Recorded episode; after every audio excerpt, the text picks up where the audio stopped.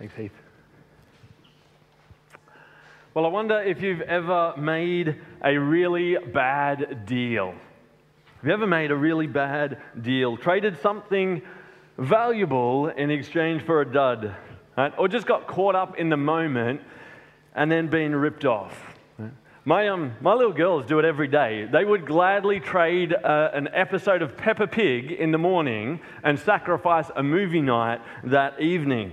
Right? They'll give up three stories, four stories at bedtime for an extra 30 seconds of disobedient shower time. Uh, I wonder what your bad deal story is. What's the trade that you so often make and regret?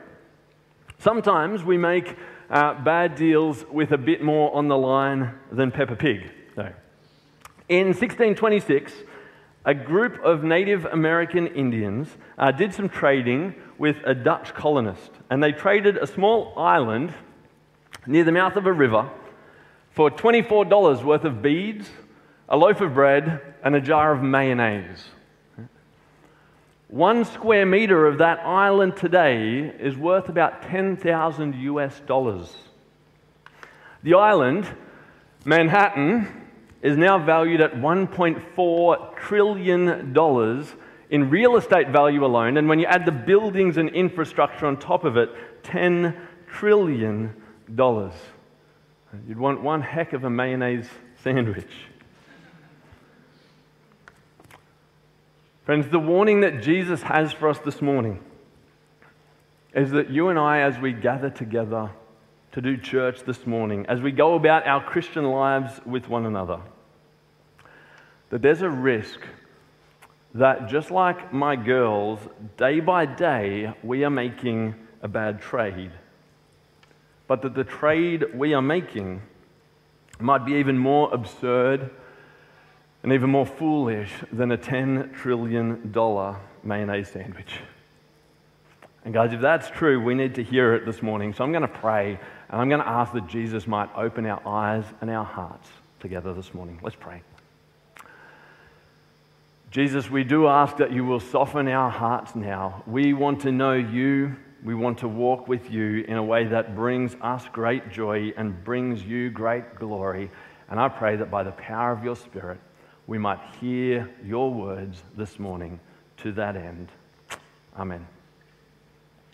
Well, we'll, um, we'll come back to the mayonnaise soon.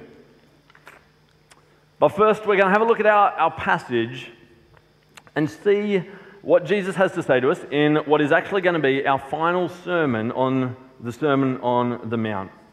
Here's how it started chapter 6, verse 1.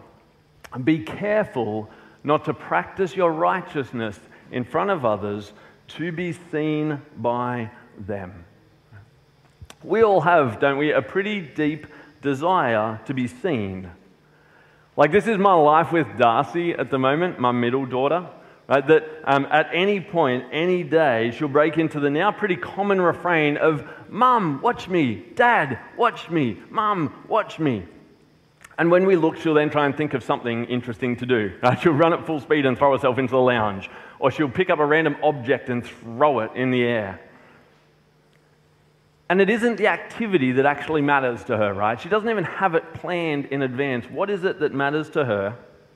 Knowing that somebody was watching. And we, we all have it even when we grow up from a three year old, don't we? It's the time we're like putting the mugs away in the cupboard and one slips and we kind of do that one and catch it just before it hits the tiles and we look around and no one saw it. Right? We've got that in us, don't we? This desire to be seen. And it comes out in so many different parts of our life, but it can be poison to our faith. Jesus is going to warn us about that risk this morning in our passage, and he's going to do it by talking through three particular examples. You heard them read out. These are three regular ways that um, a, a believer in the first century, Jesus' original hearers, might have worked out their faith. Three things that God's people uh, have often done. First, he's going to talk about when we give to the needy, right? God is a generous God, and so out of the overflow of our gratitude, we become generous people. God is a powerful God, so we show our dependence on him in prayer. And they had a tradition which some Christians still maintain now of fasting. That is, to, uh, to give up things in life so that we can be focused on God and prioritize Him. These are all good things. Jesus says to his followers, when you do these things, but then there's a pattern that plays out almost exactly the same in all three of these good things. And it's, it's common enough, I want to put it up on the screen so we can see it together. Verse 2 So when you give to the needy, do not announce it with trumpets as the hypocrites do in the synagogues and on the streets to be honored by others. In verse 5, when you pray, do not be like the hypocrites, for they love to pray standing in the synagogues and on the street corners to be seen by others. And when you fast, do not look somber. Don't make yourself look hungry and tired as the hypocrites do, for they disfigure their faces to show others they are fasting. What's the pattern we can see there all the way through? When you do this good thing, don't do it as the hypocrites do for the sake of others. It's helpful here for us to pause on that word hypocrite right? Because we have, a, I think, a lot of modern baggage. We automatically assume what that word means. And, and, all of that baggage would be true. If you see hypocrites there and you think someone who says one thing but does something else, like that is true, right? You're understanding the passage rightly. But if we understand how the word was used in the ancient world, that'll actually add a helpful flavor to what Jesus is saying here.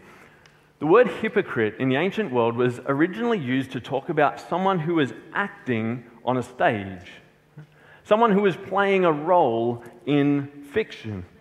So, what Jesus is really saying here is don't be like that.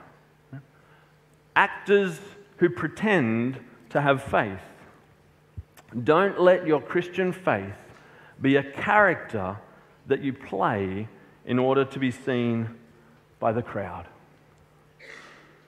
And I wonder if it's worth kind of pausing there this morning to consider how close to home that might cut for some of us as we gather together on a Sunday morning.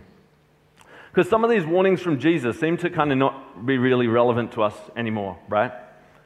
We don't really announce our financial giving with trumpets or otherwise in 2023, right? The, the whole tall poppy syndrome means we don't actually have very much time for people who boast and big note themselves. We don't pray out on street corners. That would get us more pain than praise in 2023, right?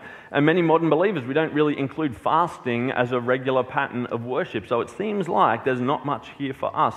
But the options there are either that we no longer have the sinful hearts that have characterized people in the past, or our sinful heart has just found a different way to do the same thing. And so it is worth pausing to think are there parts of your faith which are an act, played out to impress the people, maybe even sitting around you this morning?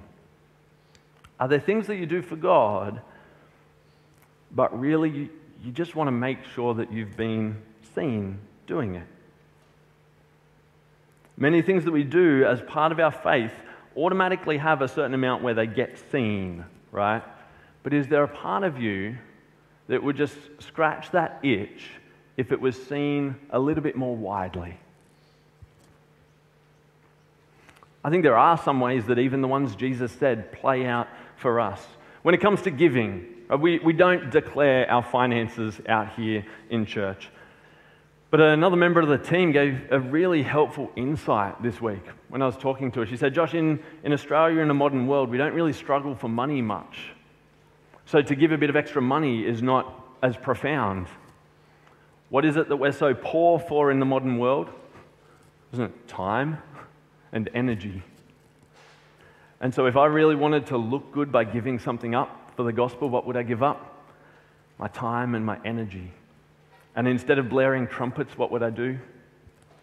Someone would say, Josh, how have you been going this week? And I'd say, busy. Or they'd say, Josh, how are you feeling? And I'd say, exhausted. And I'd follow it up with, oh, but it's all for good things. And it's convicting because a third of you in this room have probably had that conversation with me. Maybe that's how it plays out for you. You're doing a good thing, but creeping into your heart is the desire to be seen by others doing it. Or maybe it reveals itself kind of in the negative for you. And it's actually that you're upset because you don't feel like you're being seen. You're doing those things and not being seen. Or maybe it plays out in a different way again that you don't give, whether that's money, time, energy, because you're not going to be seen enough. It's private, no one knows, so I won't give. We do it with prayer. I catch myself doing this sometimes with prayer, but where does it land for you? Are you quicker to say, I'll pray for you, than to actually pray for someone? Quicker to comment that or message that or say it on the end of a conversation without actually doing it? Do you find yourself praying when you're together with other Christians in a small group because there's kind of a pressure and a social situation that requires it, or people might think you're immature? But then, as soon as you're apart from other believers, your prayer life kind of drops off. do we just perform our prayerfulness for others? And even when it comes to fasting, perhaps some of you practice fasting, and Jesus' direct instructions here are very helpful. But even to broaden it, to giving things up for God, losing things as the cost of our faith. When you have a cost to being a Christian, is there a part of you that kind of wants people to notice? Are you less likely to pay the cost of the faith if you know no one will see? Jesus is a good preacher, right? And so he sticks with three examples, but I, we could spend all morning here, couldn't we? Listing other ways this plays out for us. Right from as you, as you were getting dressed this morning, how much concern was there for, for the image that you would project to the other people around you? As we participated in worship earlier, and as we do that every week, this one hit my heart during the last week. Do I worship differently when I'm in a room full of believers than if I was on my own? Am I more concerned about what the person behind me is seeing, or maybe what the person in front of me is hearing, than my worshiping of God? Sometimes that might mean, for some of us, focusing on the opinions of others, we sing less. Some of us focusing on the opinions of others, we might sing more. The question is are we singing for God or singing for others. Social media, Bible verses in our bios that we've never actually read, posting the verse of the day but not letting it soak into our hearts and lives. It's possible to do good things, right? God things in our life, but to be playing a role for the crowd around us. why does that matter? Why does it matter if we're doing that? Well, it isn't enough for me to just watch Darcy jump onto the couch, right? If she runs and jumps onto the couch and I don't react, within seconds, it's, Dad, why aren't you clapping? Dad, you say, Yay, Darcy, yay, Darcy, clap, Dad. Why? Because what is it that's deep in our heart? Not just a desire to be seen, but a desire to be recognized, affirmed, and rewarded for what we've done. And here is the really important part when it comes to our faith your audience gives your reward. Your audience gives your reward. See, I put those verses up earlier, but I didn't finish them. Let's have a, a look through and finish them off. Be careful not to practice your righteousness in front of others to be seen by them. If you do, you will have no reward from your Father in heaven, right? If we play for the crowd, our Father in heaven will not reward us. Here's those three verses. When you give to the needy, don't be like the hypocrites to be honored by others. Truly, I tell you, they have received their reward in full. When you pray, don't be like the hypocrites who do it to be seen by others. I tell you, they have received their reward in full. When you fast, don't look somber like the hypocrites to show others that they're fasting. Truly, I tell you, they have received their reward in full. You'll have no reward from your Father in heaven. Truly, I tell you, they have received their reward in full. If you be a Christian for the crowd, then the crowd is your reward. And it's the only reward you will get. maybe some honor or respect from them. Maybe some people will think you're really mature. Maybe some people will even call you an inspiration. More likely, you'll get some judgment, some backhanded comments, some envy and coveting. And that's all.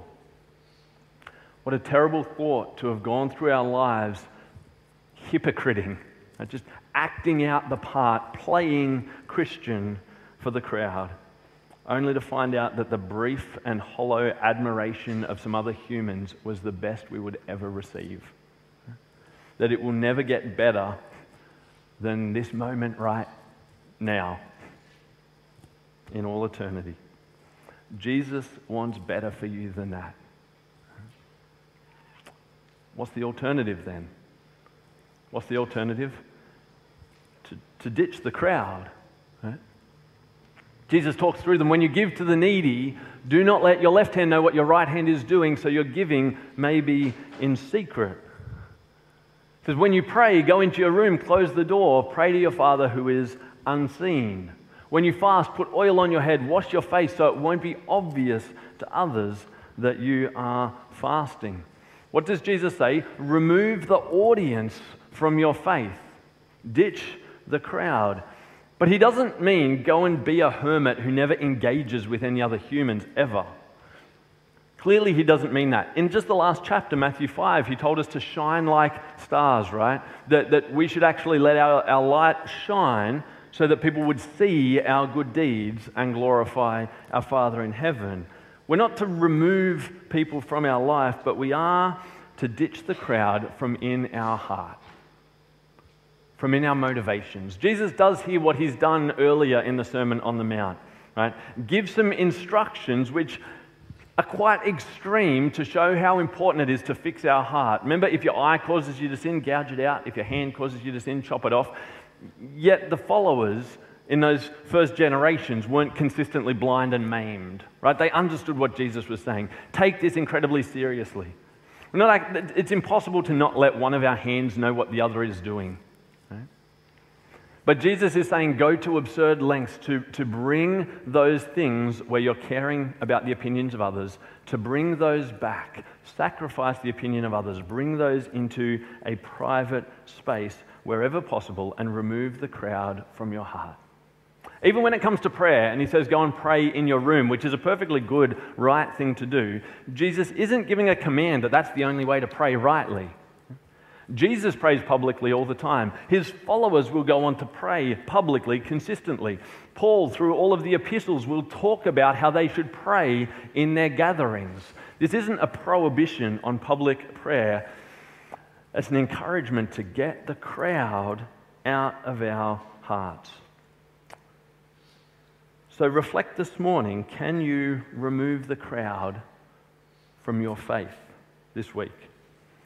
Are there ways that you can do those things which honor God just as much, but in a way that doesn't wow the crowd? And if there's a part of you that can think of the option but doesn't really want to do it, that's perfect do it. Notice Jesus doesn't say, stop praying. He says, stop praying for the crowd. He doesn't say, stop giving. He says, stop giving for the crowd. So, what is it for you where Jesus doesn't say, stop doing it, but he would say, stop doing it for the crowd? How can we guard ourselves against the temptation to play Christian for the crowd? One thing we can do every week as God's word is opened is to reflect on that question, pray, meditate with an open heart, right? And I hope that you do that this morning, that you are open to the Spirit's conviction right now as He lays on your heart ways that you are more focused on the opinions of others than of God. But there is also a massive answer in our text for us this morning. What, what is it that I said we have that's evident right from Darcy onwards? We have a deep desire to be seen, don't we? A desire to be recognized, affirmed, and rewarded. Now, are those desires to be seen and rewarded, are they unhelpful, unhealthy desires that are dragging us away from God? No. Let's have a look again at these verses. When you give to the needy, don't let your left hand know what your right hand is doing, so you're giving maybe in secret. Why? Then your Father, who sees what is done in secret, will reward you. When you pray, go into your room, close the door. Why? Then your Father, who sees what is done in secret, will reward you. When you fast, oil on your head, wash your face so that you're not advertising to everyone else that you're fasting. Why? Then your Father, who sees what is done in secret, will reward you.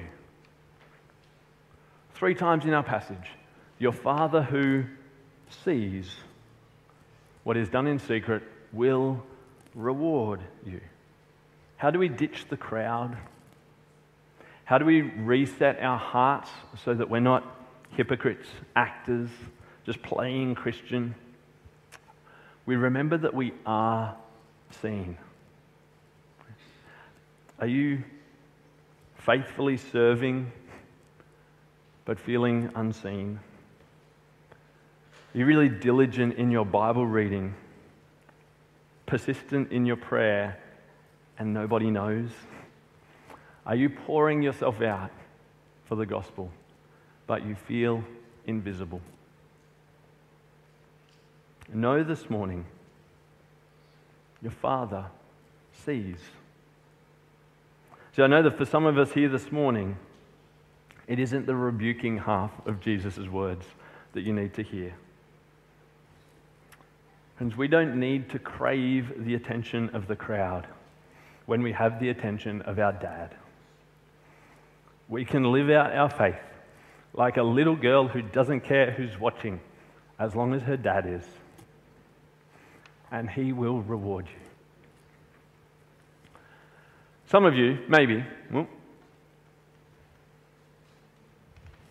we got pictures that'll come up in a second. Um, there we go. Uh, some, probably a minority of you, might know Little Wayne, a US rapper. He's the one on the left. Little Wayne was traveling to Saudi Arabia and he had some trouble in customs getting in in his private jet. And Crown Prince Mohammed bin Salman, who's on the, that side, heard about it and was mortified. Wanted to do something to make up for it for little Wayne. So he turns up in his hotel room and gives him a gift. He gives him a $15,000 watch to say sorry. And then, as they're making some conversation and the crown prince is leaving, he drops in the conversation Lamborghini or Ferrari? And little Wayne, as he tells the story, thinking it's just polite conversation, says, Lamborghini. The crown prince says, What color? Black.